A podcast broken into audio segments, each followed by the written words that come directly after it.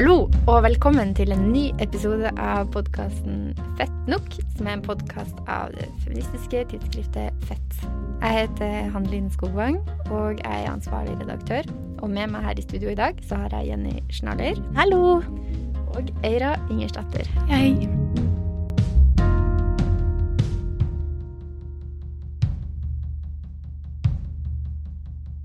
Og eh, i denne episoden så skal vi innom flere temaer, bl.a. kontroversielle bokutgivelser, amming, og eh, vi skal også snakke om filmen Fat Front. Men først har jeg bare lyst til å ta en liten svipptur til eh, vårt, våre danske naboer. For der har det skjedd litt av hvert på metoo-fronten i det siste. Ja, metoo har jo begynt i Danmark. Egentlig. Ja, det er jo eh, helt utrolig. Og i går, så eh, det her, det her blir tatt opp på en tirsdag, altså, så uh, gikk borgermesteren i København av. Fordi han erkjente at han i 30 år har vært del av en ukultur der kvinner har blitt krenka. Og det som er spennende, er jo hvor udramatisk på en måte det hele skjer akkurat nå. Ja, og det er altså litt av en kontrast for oss som har liksom holdt på med samme sak og samme ukultur i tre forbanna år, er det vel eh, ganske nøyaktig akkurat nå. Så eh, man skal jo ikke gi for mye anerkjennelse eh, til Frank Jensen, selvfølgelig, men at han bare enkelt og greit på en pressekonferanse erklærer at eh, nå trekker jeg meg, sånn at dere får god tid til å velge en etterfølger før neste landsmøte. Så eh, ja. Det er fint at du viser litt selvinnsikt på det stadiet, tenker jeg. Mm. Litt kudos kan man få. Ja, lite grann. Mm.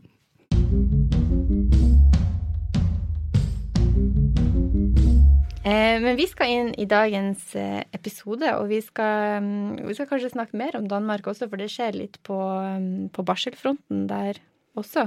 Men eh, Jenny, du er gravid? ja.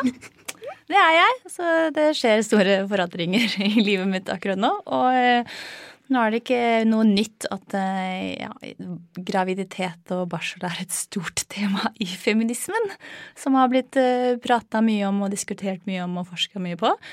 Men det som er spennende, er jo at veldig mange kommer til meg nå og spør meg spørsmål om forskjellige ting, hvordan jeg tenker å gjøre ting osv. Og, så og et spørsmål jeg plutselig får veldig ofte, er om jeg skal amme. Og eh, det har jeg merket til er et veldig eh, stort spørsmål der folk har veldig sterke meninger om. Så hva, hva tenker dere om amming? Altså, jeg har jo aldri vært gravid, så jeg har aldri hatt noen å amme. Men eh, jeg tenker at eh, sånn tradisjonelt sett så har jeg alltid tenkt at det er noe man gjør. Eh, og det er jo sikkert formet av at jeg vokste opp i Norge hvor det er relativt vanlig å amme. Men jeg syns jo også at det er fascinerende at med en gang du blir gravid, så føler folk at de har rett til å spørre deg om masse sånne ting. Da. Det er ikke nok at du har en baby som driver og gror inn i magen, men du skal liksom Kroppen din skal tilhøre andre folk også. Du må liksom svare på ganske sånn personlige ting, da. Mm. Mm. Jeg har heller ikke amma noen eh, tidligere, men, men jeg har jobba i Helsedirektoratet. Eh, og da jobba jeg med liksom barne- og ungdomshelse, og da blant annet så var det i vår avdeling så var det ei som jobbet med amming. Og eh, mitt inntrykk er at det er en veldig, veldig sterk ammenorm i Norge. Vi har ganske høy andel som ammer, og det er jo selvfølgelig veldig gode grunner til det. Og så må vi jo bare si veldig mange mye veldokumenterte helsegevinster og så videre. Så eh, ikke for å liksom tvinge deg til å amme, Jenny, men eh, bare, for å, bare for å erkjenne det også. Men eh, jeg har hele tida tenkt at den ammenormen er så sterk at når du sa at folk spurte deg, så ble jeg nesten litt overraska over at det i det hele tatt var et spørsmål. Jeg tror de spør meg fordi de vet at jeg er veldig feministisk. Mm. Eh, og det er jo selvfølgelig et slags feministisk spørsmål fordi um, kroppen blir jo plutselig uh, Tilhører ikke bare deg selv lenger. Du må dele den veldig mye. Og ikke bare det, så er det veldig tidskrevende. Så det er ikke så lett å bare begynne å jobbe igjen når man skal amme hverandre tredje time. Og det tredje er jo også egentlig, eh, som jeg syns også er eh, spennende, er spørsmålet hvordan det egentlig påvirker forholdet mellom barn og far, eller den andre partneren, da. Fordi eh, ja, da blir det ofte sånn at babyen bare kan sovne når den blir amma osv. Da er det bare den ene personen som kan gjøre det. Og jeg har faktisk en eh, god venn av meg, en, en uh, kompis, som um, fortalte meg Jeg var veldig fortvilet, faktisk, her om dagen. Fortalte, jeg var nesten på gråten, faktisk, fordi han følte at han er så mye sammen med det barnet. Han bryr seg så mye. Han er i pappaperm. Men babyen klarer fortsatt ikke å sove når han legger babyen. Fordi den trenger pupp. Og han følte nesten at det var sånn utilstrekkelig, da. Mm. Så eh, det kan jo for så vidt også fordeler, kanskje, å ikke amme. Eh, for forholdet mellom Ja, for en slags likestilling, når man vil si det sånn. Ja. Jeg vet ikke helt. Jeg tenker det er jo mange kvinner som har en del vanskeligheter med å amme.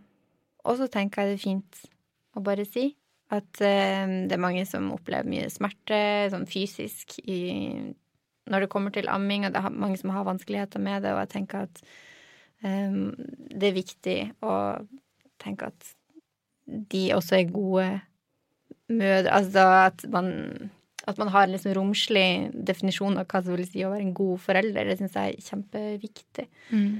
Samtidig så tenker jeg at det er jo liksom Dette er jo virkelig et sånt felt som er veldig vanskelig også for feminismen, fordi det er et sånt felt der biologien er helt u... Man, man, slipper ikke unna. Den tar det igjen. Og det er jo også mye sånn barsellitteratur Eller ja, jeg vet ikke om jeg har lyst til å bruke det ordet. Det har jo blitt brukt litt sånn nedsettende om mange utgivelser knyttet til småbarnsperioden som har kommet ut i Norge de siste par årene. Men eh, jeg syns ikke egentlig at det er så nedsettende.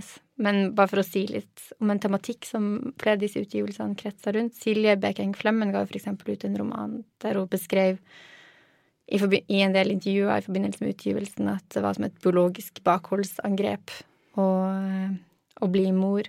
Og det, uten at jeg har vært det sjøl, så følte kjente jeg det veldig når jeg leste romanen, og jeg kan også leve meg inn i at det må føles veldig vanskelig på en del felt når man blir det. Veldig enig i det. Mm.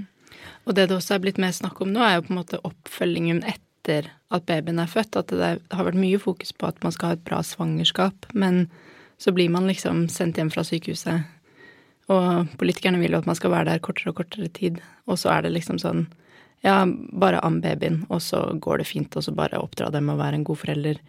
Altså at det er lite hjelp der, da, kanskje. Og spesielt hvis man føler at man ikke får det til på den måten man skal. Mm. Ja, jeg tror det er en periode som preger mange sterke forventninger. Ja, altså nå, Jeg har ikke noe mot amming i det hele tatt, men jeg kjenner altså at jeg bare kjenner at det er mye sånn eh, paradokser der. da, At eh, jeg føler det er veldig sånn ja, du skal amme, det er det beste for barnet. Det er til og med ikke farlig eller voldsomt, men er det sånn barn som ikke blir amma, mye mer utsatt for allergier eller har dårligere immunforsvar osv. Men samtidig så sies det ja, men kan du ikke amme, så, så, er jo det også greit. Så jeg bare sånn å ja, men jeg syns det er litt paradoksalt. Og samtidig tenker jeg sånn, men hva hvis moren føler et kjempestort ubehag når hun ammer, og hvis hun har en stor smerteopplevelse, um, så tenker jeg at det også har en negativ konsekvens for forholdet mellom barn og mor, og det kan jo heller ikke være så bra, da. Så jeg um, syns jeg hadde ønsket meg litt mer nyansert samtale rundt det, da, og ikke bare eh, det jeg hører som er amming er det beste for barnet. Alltid. Og den eneste grunnen man ikke skal gjøre det, er hvis man virkelig ikke kan fysisk. Jeg syns det er litt mer komplekst enn som så, da. Mm. Det har jo vært eh, Det var jo en debatt ganske nylig, jeg vet ikke om du fikk med deg det, om amming. Eh, der det var noen som sto bak bloggen Pilotfrue, som gikk ut og sa at hun vurderte å ta en eh, brystoperasjon etter at hun hadde blitt ferdig med å få barn og amme dem osv. Og, så og da rykka eh, Gro Nylander, som er sånn veldig etablert eh, feminist på dette feltet, har vært i veldig mange år og har vært også en forkjemper for å tilrettelegge arbeidslivet for amming, og eh, har vel også vært litt kritisk til likedeling av foreldrepermisjon. Det kan hende jeg husker feil nå, men jeg tror at hun har vært litt kritisk til det fordi at hun mener det er så viktig at eh, den legges opp sånn at kvinner kan fullamme barnet så lenge som overhodet mulig. Det snakka meg litt bort, men eh, i hvert fall den debatten Altså, dette er en sånn debatt som kommer opp igjen og igjen, og det er i hvert fall den myta om at sånn Det ødelegger puppene dine, er i hvert fall en sånn uh, idé som uh, jeg tror mange norske feminister og ammeforkjempere går ut og tar ganske fort i Norge. Det er i hvert fall ikke gyldig grunn til å ikke amme. Samtidig som det er mange som sier at du må amme fordi man mister all babyfetten etterpå. Det er tydeligvis kjempeslitsomt å amme. Man, masse kalorier som går bort. Så det var også mange som sa amming er bra, fordi da får du en veldig fin post baby body fort mulig. Så da er det jo plutselig et uh, ny uh, aspekt der, da. Da har du et kjempeinsentiv, Jenny. Ja, det er det viktigste for meg. Nei, uff a meg. Eh, man skal selvfølgelig jeg vet ikke, jeg føler liksom ikke at jeg har noe autoritet til å kunne uttale meg om dette tematikken på, men jeg tenker i hvert fall at det er viktig å ha litt sånn være litt sånn raus med seg sjøl, både som feminist og som mor, i det krysspresset der, da. I hvert fall. Mm. Mm. Enig. Og at det at informasjonen er tilgjengelig for deg uansett hva man velger å gjøre, da. At man møter et lydhørt øre, uavhengig av hva man har lyst til selv, da. Og at eh, både informasjon om flaskemating og amming er mer på lik linje, kanskje. Ja, det syns jeg det skulle være. Jeg lovte jo også å dra denne samtalen litt tilbake til Danmark. Fordi der har jo også en dansk forfatter ved navn Olga Ravn, som for øvrig også nylig gitt ut en bok med beslekta tematikk. Den handler vel om fødselsdepresjon primært.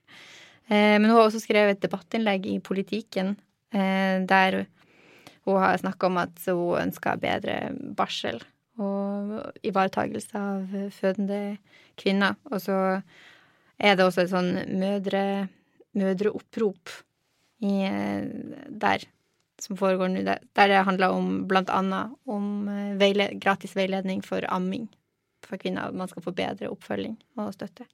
Men det er også andre krav, som for eksempel mer jordmortid, eksempel. Det er noen tema som vi kjenner igjen fra fødselsdebatten her i Norge også, for det har jo vært et veldig stort tema i flere år nå, egentlig. Både med bunadsgeriljaen og det du sier med redusert liggetid på sykehuset, som veldig mange er veldig bekymra for. Mm.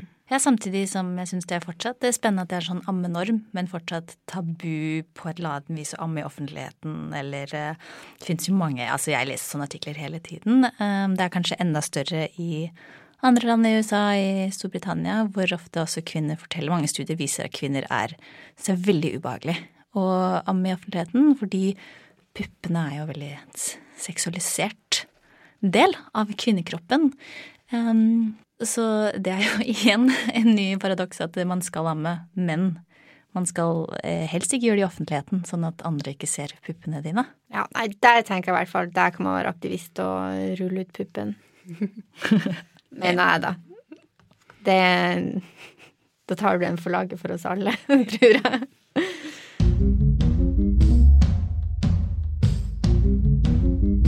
Vi har sett filmen Fat Front, som handler om kroppspositivisme. Og den følger fire unge damer, som alle er tjukke. To i Norge og én i Danmark, én i Sverige. Og tjukk er ordet de bruker selv, og mye av filmen handler om at dette er noe de vil ta tilbake som begrep, og også om forholdet deres til egen kropp, da, og body positivity-bevegelsen. Så vi kan jo begynne med hva vi syns om filmen. Ja, jeg syns det var Jeg, jeg, jeg syns det er litt vanskelig å oppsummere hva jeg syns om den eh, filmen, egentlig. For det første syns jeg jo at disse fire kvinnene virka veldig kule. De gjør mange ting som jeg syns er fett. For eksempel så hun svenske Jeg klarer ikke å huske hva de heter nå i farta, men vi får omtale henne som svensken. Eh, svensken oppretta har blant annet et sånn loppemarked som heter Big Ass loppemarked, som handler om å utveksle klær for folk som har større kropper enn for andre. Og det tror jeg virkelig på det er et problem hvis du skal bruke vintage-klær og du har en større kropp enn det som gjerne selges i sånne butikker. Så det syns jeg er sånn kjempefint og bra initiativ. Og så er det ei, og hun bor vel her i Oslo, tror jeg, som lager, oppretter sånn nettverk som er sånn kroppspositivistisk her i, i Oslo. Og det syns jeg er sånn skikkelig fine, sånn fellesskapsorienterte initiativer som jeg syns er veldig inspirerende. Mm. Og fint å se, egentlig. Ja, og så ser man jo at det er jo stemmer og perspektiver som trengs. fordi sånn som hun ene, hun eh, danske, skal jo være med på en sånn fotoshoot. Og mm. stylisten har med masse klær, og hun passer ikke inn i noen av klærne. Ja, det er fælt. Ikke sant? Så hun har med seg en hel koffert med egne klær, og så må de til slutt finne noe der. Og da tenker jeg liksom her er det en person som har som jobb å kle på folk. Hun har spurt om størrelsen hennes, men ingenting fra vanlige butikker passer. Så det er jo åpenbart en viktig tematikk å ha fokus på, da, at alle kropper må få lov til å eksistere i samfunnet og ha på seg klær. Apropos amming og pupp i offentligheten, liksom. Vi er jo ikke helt der at vi går nakne alle sammen. Nei, overhodet ikke. Og jeg bare kom på en sånn sak som jeg skal bare referere til sånn helt kort, på Kilden kjønnsforskning, som jeg leste for noen måneder siden også, som handler om at det er At klærne rett og slett bare ikke passer til de kroppene som vi har. De blir ikke designa for ekte kropper generelt. Og det står det jo også litt om i det tekstilnummeret til Fett også, som handler om at klesstørrelser er litt sånn Det er nesten en skam. Mm. Ja. ja. For det tenker jeg også, selv om man er tynn, så hvis du står ved siden av en sånn utstillingsstokk i butikken, så har jo ikke den samme proporsjoner som deg. Altså det er, altså, det er to meter lange bein, og 30 cm med overkropp, liksom. Det er veldig få folk som ser sånn ut, da. Mm. Jeg syns Jeg tror eh, hvis man selv eh, kanskje føler litt på den skammen eller de problemene rundt det, så er det en film kjempeinspirerende, tror jeg. Jeg tror man kan godt veldig kjenne seg igjen i det og få litt sånn håp og alt. Um, samtidig som jeg tror jeg er mer sånn Hvis man skal se det litt mer på sånn feministisk forskningsaktig, så følte jeg kanskje at jeg ikke lærte sånn kjempemye, eller at jeg kanskje også kunne ønske meg litt mer sånn nyansert blikk på problematikken. Um, litt mer ja, body positivity, hva, uh, hva inngår der, og hvorfor, og hva kanskje også er kritisk med det. Jeg vet ikke. Mm. Mm. Jeg skulle i hvert fall jeg syns det hadde vært veldig veldig interessant å vite litt mer om historien til den kroppspositive eller sånn både til det ordet kroppspositivisme, for det er jo litt nytt, tror jeg, men jeg vet ikke. Jeg tror det starta liksom på 60-tallet med altså den tredje, nei, andre feministiske bølgen, nå må jeg holde tunga rett i munnen, eh, med, eh, med kvinner i USA da, som var tjukke, og som valgte å omfavne det og på en måte kreve respekt. Og da kan vi jo si at liksom skjønnhetsnormen nå er ille, men den var også ille på 60-tallet. Mm. Og da var det mye sånn der blyantskjørt og sånn som man gjerne skulle passe inn i. Så det starta um, med feminismens andre bølge, da, men det som har vært kritikken av det når det har blitt populært med internett, er jo at det har blitt litt sånn kapra av folk som er akseptabelt tjukke. At de har på en måte fortsatt timeglassfigur, de er ofte hvite, de er ofte veldig pene.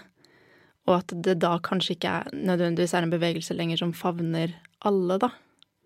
Mm. Ja, altså Versace, det italienske merket, hadde jo nettopp en sånn catwalk der det var tre pluss size-modeller som gikk, og de er utrolig vakre, disse tre modellene. Men de er også, det er en veldig sånn klassisk figur, for det er litt sånn timeglass.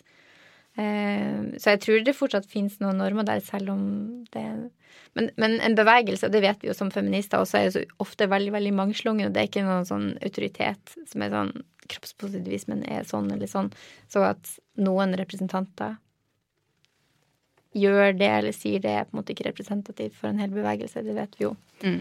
godt som feminister, tror jeg. Men, eh, men, ja, jeg er i hvert fall enig med deg i at jeg ofte ser mye sånn smale liv. Mm. Også selv om det er større kropper, kanskje. Men jeg har også hørt mer og mer folk eh, også sånn i sosiale medier og Instagram som er kritiske til det begrepet. Kroppspositivisme, og heller eh, vil at vi skal bruke ordet uh, kroppsnøytralitet. Jeg eh, vet ikke, Eira, kan du forklare litt hva som menes med det? Ja, det er et litt nyere begrep som har begynt å dukke opp, liksom, som du sier, på internett i sånn 2015. Og det handler egentlig mer om å sette pris på hva kroppen kan gjøre, i stedet for hvordan den ser ut. Så sånn For det som jeg tror mange kanskje syns er en litt sånn barriere inn i kroppspositivismen, er at det er en veldig sånn elsk kroppen din uansett hvordan den ser ut. Og det kan sikkert være veldig frigjørende for mange. Mens andre kanskje kan tenke litt sånn Jeg har ikke noe lyst til å liksom elske den hele tiden. Men da kan man heller tenke sånn Men jeg klarer å lage mat til meg selv, og jeg spiser, og kroppen Beina mine kan gå, eller armene mine kan bære, eller de delene av kroppen din som gjør noe for deg, da. At man heller kan sette pris på den på en sånn ikke-estetisk måte. Mm. En av de mest interessante scenene i filmen Fat Front er jo når hun ene snakker med en terapeut, tror jeg det er, der hun også snakker om at hun også skammer seg litt, for hun føler seg ikke som en så flink kroppspositiv aktivist som hun skulle ønske at hun var, fordi hun ønska også, i hvert fall tidvis, at kroppen var litt annerledes enn mm. det den Ja, det syns jeg er veldig, veldig interessant. Og eh, det skriver jo også Nora Mesen om i den antologien Ulyd, som til min eh, Hedda Lingås Fossum, som er forgjenger, forgjengeren min som fettredaktør, har redigert. Hun skriver også om eh, et essay om, liksom, om en fiktiv person som har lyst til å um, gjøre kirurgisk inngrep for å redusere kjønnsleppestørrelsen. Selv om hun går i tog også og sier sånn 'la fitta flagre fritt', så skammer hun seg fordi uh, hun er ikke fornøyd med sin egen fitte. Mm. Uh, og da feiler hun dobbelt, både som feminist og som kvinne, og det kan være ganske vondt, og det tror jeg veldig på. Det kan jeg kjenne meg igjen i sjøl også, at jeg skulle ønske at jeg ikke brydde meg om dette overfladiske ved min egen kropp, men så er det veldig, veldig vanskelig å la være. Eller i hvert mm. fall elske det insisterende. Mm. Jeg tenker i hvert fall hvis man ikke passer inn i normen, hvis samfunnet sier til deg at du har en feil kropp som du egentlig ikke skal få elske, og så elsker du den som en radikal, litt sånn radikalt opprør, men alltid så klarer du ikke det heller, så blir jo følelsene veldig doble. Men også at det er Altså eh, trist at noen må på en måte være aktivister for egen kropp. At den ikke bare får lov til å eksistere som den er, da. Der tror jeg også at liksom kroppsnøytralitet kan komme litt mer inn med å på en måte bare akseptere hvordan man kjenner seg i sin egen kropp, hvordan den føles ut, enn hvor, hvordan den ser ut, kanskje, da. Altså For meg høres det helt umulig at du elsker kroppen sin hele tiden. Det er jo all, Altså, det tror jeg er veldig vanlig at man har eh, av og til episoder hvor man bare ikke føler seg vel og bra i kroppen sin. Jeg tror det opp, alle opplever det. Så jeg tror det mm, Jeg skjønner også veldig godt i filmen, episoden hennes, men jeg tror ikke at det gjør henne mindre aktivistisk. Nei, overhodet ikke. I det hele tatt. Mm. Nei, absolutt ikke. Og det tenker jeg også er viktig å si. En kritikk mot sånn kropp, begrepet kroppsnøytralitet er at det liksom det skriker ikke akkurat eh, eh, parade ned langs Karl Johan. Eller sånn.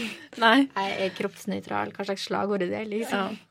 Nei, men det er litt sånn Jeg merker at jeg liker det litt fordi jeg tror liksom kroppspositivisme kunne vært noe for meg hvis jeg hadde vært kanskje litt snillere med meg selv enn det jeg av og til er, da, på dårlige dager. Mm. Mens på de dårlige dagene hvor alt er feil, og jeg ser i speilet og er sånn øh, så er det deiligere å bare være sånn Men jeg kan velge å ikke bry meg. At det også er et valg, da. Mm. Og det klarer du? Noen ganger. Ja. Men uh, altså, kropp er jo Det er en grunn til at det fortsatt er en, et tema i feminismen og i samfunnet generelt. Det er jo fordi altså, fokuset er så enormt, da. Ja, virkelig. Og det er jo ofte sånn Det å konfrontasjon med sånn skjønnhetstyranni og kroppspress og alle disse ordene er jo for veldig, veldig mange, tror jeg, det er en liksom gateway drug til feminisme. tror jeg, fordi alle kan kjenne seg igjen i det, for alle sammen kjenner på det presset. Og det er så menneskelig, og det er også dessverre veldig kjønna. For å trekke litt inn eh, eller tilbake til forrige tema, så er det spennende nå som man er eh, gravid. For jeg følte for første gang at eh, nå kan jeg bare spise. Og spise så mye jeg vil uten at noen sier noe. Og uten at jeg noen føler meg dårlig heller. Fordi det er bare lov å legge på seg og få en stor, stor mage. Og man blir til og med nesten oppmuntra av det. Og det har jeg også hørt av mange andre, at de syns det var så deilig at plutselig all kroppspresset falt bort. Eh, når det gjelder det, da. Man kunne spise så mye man ville, man kunne legge på seg så mye man ville, og det var greit.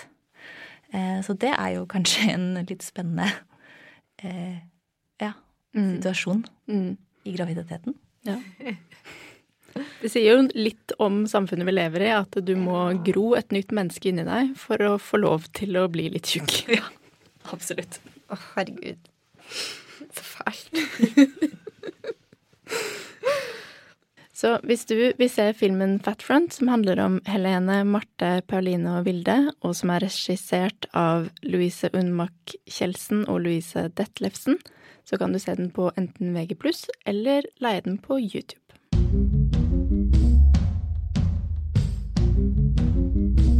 Vi skal også innom en av de store snakkisene i norsk litteraturoffentlighet den siste uka.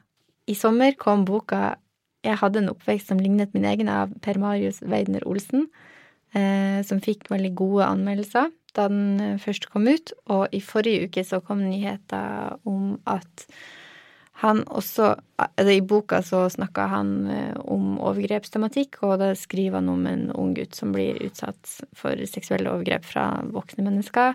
Men så kommer det også fram at han i 2003 fikk en dom for å ha som, At han var lærer, eh, utførte overgrep mot en uh, elev. Så da har forlaget Oktober De har ikke trukket boka, men de har stoppa samarbeidet med forfatteren og kommer ikke til å trykke nye opplag av boka. Så det er nå, og det har blitt en sånn stor debatt i Litteratur-Norge, og siden det handler om en tematikk som er veldig godt kjent for oss feminister, så tenkte jeg at eh, vi kan prøve å gå litt inn i denne litt sånn vanskelige materien her også. Mm. Hva tenkte dere når dere leste om saken? Mm. Jeg tenkte at jeg forstår det forlaget veldig godt. Um, men samtidig så tenker jeg at det, eh, det etiske og juridiske her er, er, vanskelig, da, og er noe jeg kanskje ikke kan nok om. Altså, jeg er ikke jurist, så jeg vet ikke hvordan sånne ting funker.